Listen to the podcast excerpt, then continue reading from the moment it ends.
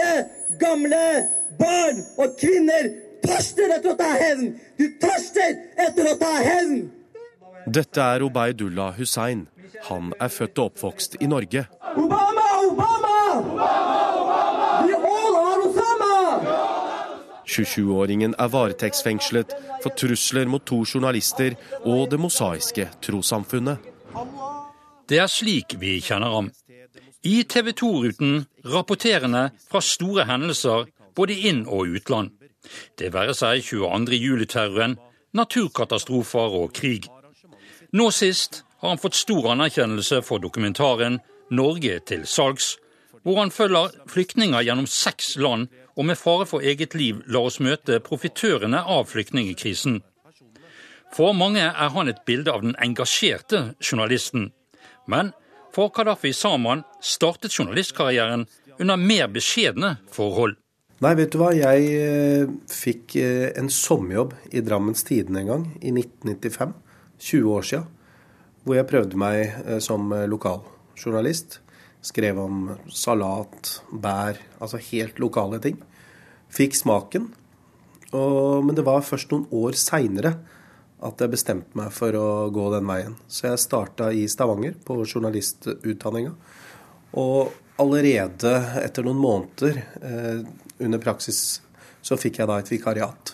Og dekka Sola og Randaberg kommune. Så det var egentlig veien eh, inn. Det begynte faktisk i Stavanger. Nei, jeg har iallfall erfart at eh, man får til det man vil. Og det merka jeg allerede eh, i Stavanger Aftenblad. Da skjedde 9-11, terrorangrepet i New York i 2001. Og jeg ble sendt til grenseområdene mellom Afghanistan og Pakistan for å dekke det. Jeg ville det sjøl når jeg så de flyene styrte inn i tvillingtårnene. Og det ble på en måte altså starten på denne karrieren. da. Og sjefene ga full backing. Helt uerfaren. Egentlig en journaliststudent, for jeg var eh, fortsatt elev ved høyskolen. Og fikk anledning til å dra og realisere da både det engasjementet som oppsto, for dette var jo noe helt nytt. Et vendepunkt eh, på mange måter. Og dro og lagde saker da for eh, Stavanger Aftenblad. Så min erfaring er at har man eh, en god idé eller et ønske om å dekke noe, så har det Jeg har iallfall fått det til. Og etter en stund i Stavanger, både på skole og i Stavanger Aftenblad, så gikk din vei videre til, til hovedstaden? Ja, eh, etter da å ha dekka Sola kommune, Randaberg kommune og litt Peshawar og grenseområdene mellom Afghanistan og Pakistan, så var jeg så heldig at jeg fikk en telefon fra VG som lurte på om jeg ville søke på et vikariat. Og Det husker jeg da ble jeg helt satt ut. Det var veldig stort. Eh, og var usikker på om, om jeg skulle få det vikariatet, så jeg pynta meg og spurte noen kamerater hvordan sitter man på et jobbintervju, hvordan skal jeg folde henda, blikkontakt og alt det der. Jeg var skikkelig nervøs.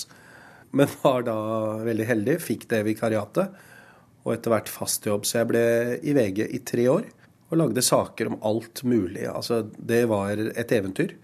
Innenriks, utenriks, eh, alt, altså. Men så fant du ut at uh, avis er avis, uh, nok er nok, og der lå TV 2 på Karl Johan. Ja, uh, jeg trivdes veldig godt i VG, det må jeg si. Det var kjempefin avis. Norges beste, vil jeg si. Jeg lærte masse om journalistikk, etikk. Men så åpnet det seg en mulighet i TV 2 jeg fikk eh, forespørsel om jeg ville starte i TV 2. Og det var jo en tid hvor dette med nyhetskanalen skulle, skulle starte. Man skulle satse på nettet, altså det digitale, bildet, lyd. Og etter da rådført meg med flere, også noen av sjefene mine i VG, så sa de det rett ut. Framtida er nok lyd og bilde, Kadafi. Tekst, papir kan man alltids eh, komme tilbake til. Men det er ikke sikkert at du vil få denne uh, sjansen igjen. Så jeg takka ja, og nå har det jo gått ti år. Og jeg har ikke angra et sekund. Men det har uh, vært lærerikt, og jeg tror nok at det at alle dagene er forskjellige, det er ingen dag som er lik, gjør jo at du har den driven til å komme på jobb og du syns det er uh, kult og spennende. Man kan komme Klokka ni, altså klokka tolv eh, sitter man på fly et eller annet sted, eller blir sendt for å dekke noe helt nytt, helt ukjent. Eh, hvis du skal trekke frem noen av de sakene som, som du har arbeidet, arbeidet med, som, har, ja, som, du både kanskje er tilfreds med og, og, som har gjort inntrykk på deg, hvor vil du begynne da? Nei, Det er mange saker. Nå har jeg vært reporter i 15 år. Det er klart det er eh, Jeg glemmer jo aldri den første turen. Eh, når jeg reiste etter 9-11 til eh, altså grenseområdene Pakistan, Afghanistan. Min første tur til mine foreldres hjemland alene. Før det hadde jeg bare reist med dem. Det var Lahore Zoo og Lahore Fort og kjøpesenter og slektninger. Nå var jeg for første gang helt alene. Det var en kjempeovergang. Å se det landet, Taliban og alt det der, det gjorde sterkt inntrykk. Jeg glemmer f.eks. aldri når jeg dekka tsunamien i Banda Arche for VG.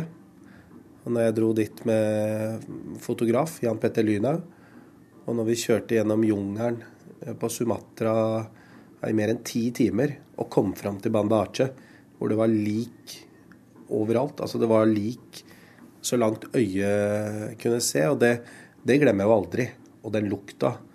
Og det, og, det, og det, vi så, det er jo sånne ting som er klistra. Eh, jeg glemmer aldri når vi reiste tilbake med Benazir Bhutto, tidligere statsminister i Pakistan. Første muslimske kvinnelige statsminister. I 2007. Da jobba jeg i TV 2, hvor vi fikk være med flyet hennes som de eneste fra, fra Norge. Og vi gikk altså i denne kortesjen hennes i Karachi i flere timer jeg og fotograf Frode Hoff, hvor eh, det var så mye mennesker. Og hun sto oppå denne lastebilen og vinka til folk. Dette var hennes retur etter mange år i eksil. Og vi gikk der, filma, intervjua folk. Og rett før klokken 21, altså vår hovedsending, så skulle vi et stykke unna for å gå live. Skulle gå direkte. Og når vi da, midt under den direktesendingen, så uh, var det et selvmordsangrep. Og et stort angrep hvor mer enn 140 mennesker mista livet. Alle de som sto rundt den lastebilen, hvor vi hadde gått i flere timer, var borte. Vi løp tilbake, og det var, altså det var små kjøttbiter, og det var ingenting igjen. Og, da, og, det er jo noe man aldri glemmer, og man tenker ofte på det. Hva om hovedsendinga vår hadde vært klokka ti? Hva om den ikke hadde vært klokka ni? Så hadde jo ikke da hadde ikke vi prata. Bare noen hundre meter unna møter vi fanatiske tilhengere av presidenten. De er på vei til Tahrir-plassen for å vise sin lojalitet til landets leder. På vei tilbake til sentrum merker vi fort at stemningen er mer amper enn normalt. På et marked ble vi jaget vekk av sinte egyptere som mener verdenspressen sverter presidenten deres. Altså revolusjonen i Egypt i 2011 Nei, 2010 var det vel. Eh, på Tahrir-plassen. Hvor vi eh, var der før altså Hosni Mubaraks fall. Før man så disse kjente scenene med kamelene som eh, og hestene som ri går inn i, på Tahrir-plassen. Det var en historisk begivenhet. og Veldig privilegert at vi fikk være med så tett på den. Og ikke minst se hvor ille det gikk etterpå. Altså hvor ble det av den arabiske våren og alt det håpet eh, vi så i øynene til folk, den gnisten. De trodde jo virkelig at nå, nå skulle det bli nye tider. Eh, og de tok jo feil. 22. juli glemmer jeg selvsagt aldri. Jeg var eh, hjemme, hadde ferie og kom med en gang inn på jobb. Og dro etter hvert til Utøya. Og jeg husker at TV 2 ble jo evakuert fordi man trodde at det var bombe, bombetrussel. Og mens vi sto på gata, så kom de første meldingene om Utøya. Og i starten så, så trodde vi jo ikke Altså, hvorfor skal vi prioritere det? når regjeringskvartalet har gått i lufta. Det var den første tanken. Og så etter hvert så kom det jo telefon på telefon, tips på tips, om at det skytes på Utøya. Og da husker jeg når vi begynte å kjøre utover, jeg og, og, og kollega, fotograf, Og før vi kom til Lysaker, så ringte vaktsjef og sa at har du skuddsikker vest? Og så sa jeg hæ? Det har vi jo, jeg har jo det på jobben, men vi var jo evakuert. Vi dro mens vi sto på gata. Så det har vi ikke. Nei. Og så kom vi litt nærmere Sandvika, så ringte han igjen. Har du skuddsikker vest, hvordan kan du skaffe det? Og da husker jeg det var så ubehagelig, for da hadde vi telt ambulanse etter ambulanse. Aldri sett så mange ambulanser i mitt liv som passerte oss. Og da skjønte vi jo eh, hvor, altså hvor dette var. Og rett før vi kom til Sollihøgda, så ringte han for tredje gang og sa at du må låne skuddsikker vest av politiet. Og da tenkte jeg at herregud, dette, dette da, vi, vi, visste ingenting. Eh, da var det satt opp sperringer på Sollihøgda. Så luftambulansen sto der. Eh, pårørende sto der, og vi begynte med direktesending. Dette var jo mens eh, massemorderen Breivik fortsatt skøyt. Og det Altså, de eh, ansiktene til de pårørende der, og etter hvert ble de jo etterlatte, mange av dem, det glemmer man jo aldri. Jeg kjente flere av de òg. Jeg husker bl.a. at en av mine eh, tidligere sjefer i VG, når jeg så han Så først så var det sånn når du møter en som du ikke har sett på lenge, så har du et smil i ansiktet. Og så kommer han bort, og vi han plutselig omfavner han. Nei, og så sier han 'datteren min er på Utøya'. Jeg får ikke kontakt. Og da var jo journalisten Kadafi ble jo borte med en gang. Og jeg bare Oi, liksom, hva, har du noen kontakt? Nei, jeg, jeg, får ikke kontakt. Og dette var en av sant, de sterke sjefene fra VG-tida som virkelig hadde opplevd mye og reist mye og, og, kunne mye, men som da var far. Og de blikkene og den dekninga der husker jeg var veldig krevende. Vi visste ikke hvem det var. Vi visste ikke hvem eller hvor mange som var drept. Det eneste jeg visste, var alle de ambulansene som hadde passert oss. Og det var mer enn 50. Så 22.07 vil man jo aldri glemme. Og den påfølgende dekningen. Rettssaken seinere. Jeg var i Oslo tingrett i ti uker og dekka, dekka alt det der. Eh, unnskyld, kan jeg spørre deg hva du gjør her? Jeg viser min avsky mot sånne muslimjævler som deg. Jævla innvandrer drit som deg. Ja, Dette er da noe av det kanskje vi vil se nå eh, om 20 minutter. Eh, kanskje flere av denne type mennesker. Vi vet som sagt, og la meg repetere det, at det også er da personer fra det nynazistiske miljøet som er i området her. Dette innslaget, hentet fra TV 2 Nyhetskanalen januar 2015, viser Kadafi Saman som dekker en demonstrasjon i regi av den fremmedfiendtlige organisasjonen Pegida, blir skjelt ut av en rasist på direkten. Klippet sjokkerte seerne, og reaksjonene var mange og sterke. Men hvordan reagerte så reporteren selv? Jeg ble kalt for innvandrerdrit og muslimjævel på, på direkten. Og det var første gang. Veldig overraskende. Jeg har jobba med ekstreme miljøer i veldig mange år. Både høyreekstreme, islamister, eh, altså radikale miljøer som er villige til å bruke vold. Men jeg har aldri opplevd på en måte sånn direkte hets, hat, i hvert fall ikke live. At man får en ubehagelig telefon, en e-post, eller at folk snakker bak din rygg. Det, det må man tåle. Men eh, jeg må ærlig innrømme at jeg ble veldig overraska. Men samtidig så er det jo litt Når du er live, når det er direktesending, så er man ekstremt skjerpa. Man veit at det er veldig mange mennesker som, som ser på. Så der og da så var det nok litt autopilot. Det var OK, dette er kanskje litt mer av det vi vil se, og så ble jeg satt over til studio. Men med en gang etterpå så var jeg Det var vondt. Det stakk eh, liksom i, i hjertet og bare hva, hva, var dette for noe? Og det må jo også sies at eh, mange av de fra det miljøet, da, eh, hvis man kan kalle det det, eh, kom jo bort etterpå og beklaget og unnskyldte seg. Jeg kjente jo flere av de, og som sa at uh, dette, dette, var helt leit. For det er jo også mennesker som er interessert i å ha en dialog med pressen. De vil jo ha budskapet sitt ut. Så jeg tror Ja. Jeg fikk iallfall enorm respons og massive støtteerklæringer på sosiale medier, telefon, e-post. Det var overfeldende. overveldende. Hva gjør det med deg eh, når du får den type respons, altså at du, du blir såret og du, du, du, har det vanskelig etter en slik opplevelse, og så merker du at det er en vegg av sympati som kommer mot deg?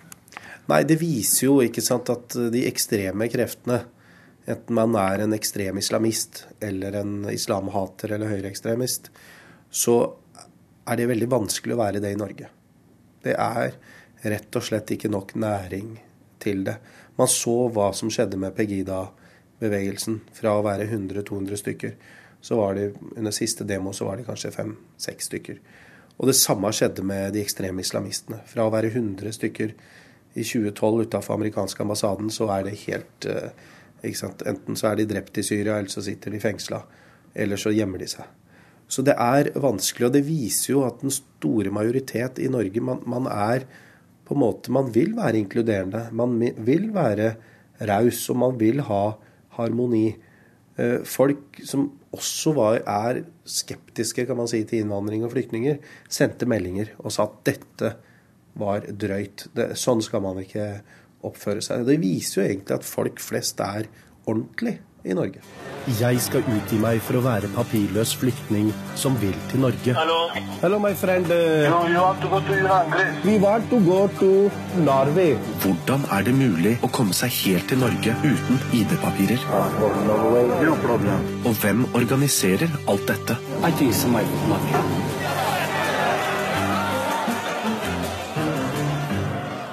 Dette var en trailer fra det siste store prosjektet til Gaddafi Saman, dokumentaren Norge til salgs, hvor han og et team reiser gjennom seks land for å se hvordan flyktningreisene organiseres, for å møte flyktninger, bakmenn og profitører. Nei, Den kom i stand etter at vi hadde vært i Ungarn, Tyskland eh, og Danmark.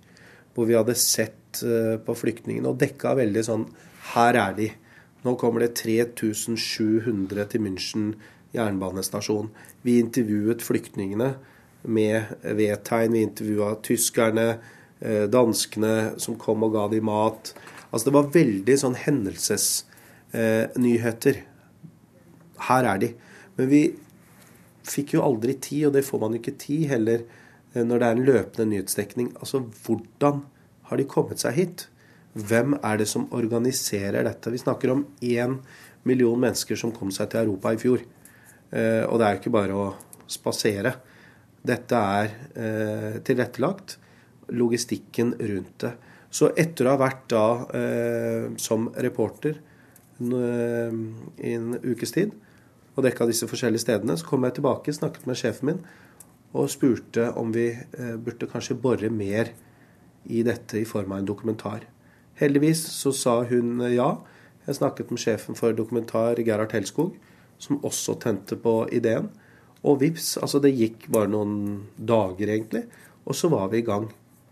Og med Novemberfilm, en fotograf eh, og en regissør, så reiste vi da eh, først til grensa Syria-Libanon, Tyrkia, Hellas, Balkan. Og så åpna jo den arktiske ruta, som, som den ble kalt, fra Russland til Finnmark seg på samme tid. Så vi tok med det òg. Så ideen kom egentlig eh, av seg sjøl når vi så den enorme menneskemengden. At her må vi også sette fokus på hvordan får de det til. Hvem selger eh, de falske passene? Hvordan selges plass på gummibåt? Hvem selger redningsvestene? Hvordan er det når de kommer seg til til Hellas. Og da var det jo busser som var satt opp med 10-15 euro. Kunne de bli kjørt til grensa til Makedonia. Grekerne ville jo ikke ha de. Og på andre siden så sto det nye busser klare til å kjøre dem rett til eh, serbiske grensen Og så videre. Serberne kjørte de videre eh, over til Kroatia. Så alle var jo egentlig interessert i å bli kvitt flest mulig flyktninger. Og så så vi at noen land satte opp piggtråd. Ungarn, f.eks. Og da dukka det opp nye ruter. Og det blir jo spennende nå å se til våren, når snøen blir borte og bølgene i Middelhavet har roa seg. Hvilke ruter eh, vil man se inn til Europa? For at menneskestrømmen eh, skal bli slutt på, det tror jeg ikke. Eh, men du gjorde jo ikke dette uten personlig risiko? Nei, det var til tider risikabelt. Det var det. Nå poserte jo jeg som eh, pakistansk flyktning. Jeg har noen fordeler. Jeg kan morsmålet mitt urdu flytende. Jeg ser ut eh, som en eh, pakistaner. Og eh, har vært såpass mye i Pakistan at jeg kan en del kulturelle kodekser. Eh, at jeg kan gli inn. Det er en kjempefordel. Men det var risikabelt enkelte steder, spesielt når man har skjult kamera. Bl.a. når vi eh, skulle kjøpe eller gjøre handelen om falske pass, så trodde jeg et eller annet tidspunkt at nå har jeg blitt oppdaga, at de har sett eh, det skjulte kameraet. Veldig ubehagelig. Vi var også i flere land livredd for at myndighetene skulle eh, oppdage dette. Eh, mange av de landene, spesielt Russland, har ikke noe særlig sans for journalister. Heller ikke Tyrkia. Pressefrihetens kår er ikke noe særlige. Og det hadde ikke hjulpet å vifte med et rødt pressekort og sagt at we are from Norway and doing investigative journalism. Så det var en sånn egentlig frykt under hele turen. Hvor vi måtte ha backup av opptakene og backup av backup av backup. Vi gjemte de på flere steder hele tida. Og så var det risikabelt enkelte steder hvor, hvor eh, det var mafia til stede. Og hvor vi fikk klare advarsler. Nå må dere komme dere av gårde. For dette liker ikke mafiaen. Men vi hadde, vil jeg si, en god diskusjon hele veien. Både med sjefene i Norge, men også vi tre som da var ute. Altså hvor langt skal man gå? Vi fulgte f.eks. etter en eh, bil i eh, Ismir med flyktninger som da ble plukka opp. Vi var veldig interessert i å se hvor blir de kjørt. Og da når den bilen kjørte inn i en liten, trang gate, så ble jeg usikker. Da stoppa jeg bilen og så sa jeg, har de kanskje oppdaga oss. Er det en felle? Og da mista vi de. Så vi hadde en del sånne episoder, du kan godt kalle det bomturer, men hvor man tok grundige vurderinger. Hva skal vi gjøre? Når vi var i kjelleren med redningsvestene, så var det ubehagelig fordi jeg mista mobildekninga. Og tenkte at blir jeg oppdaga her, så er det jo ingen som vet hvilken kjeller jeg er i. Men um, det gikk greit, da.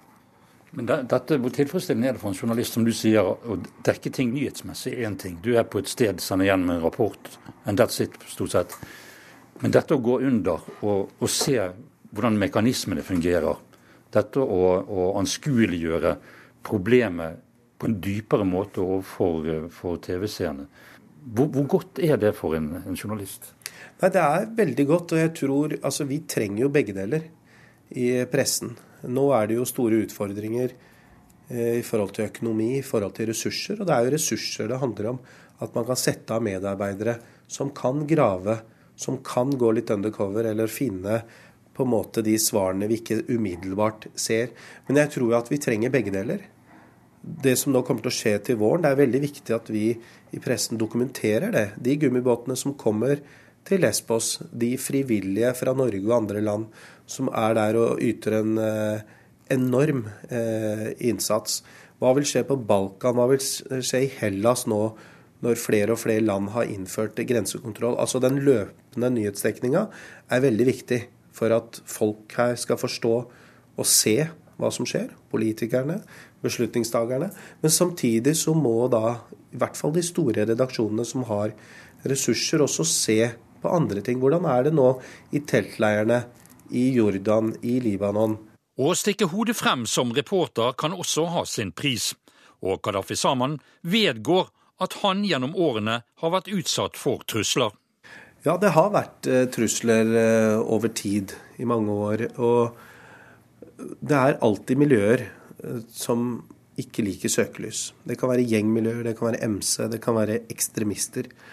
Og i det siste så har jo vi i TV 2 hatt et spesielt fokus på ekstreme islamister. Vi har avslørt mange med navn. Hvem er de? Er de straffedømt? Hvor bor de? Hvor har de reist? Og det søkelyset er det helt naturlig at folk eh, ikke liker. Men eh, når det da gjelder trusler, så har vi hatt en helt klar policy at vi anmelder de mest alvorlige truslene. Altså Det skal ikke gå an å true meg, i hvert fall ikke til taushet. Eh, og jeg tenker at det er veldig viktig at de redaksjonene som da blir trua, at de setter et enda større søkelys på de miljøene. Viser at man ikke lar seg skremme hvis det er én medarbeider, at man kanskje setter på to, tre, fire medarbeidere og slår tilbake i form av journalistikk.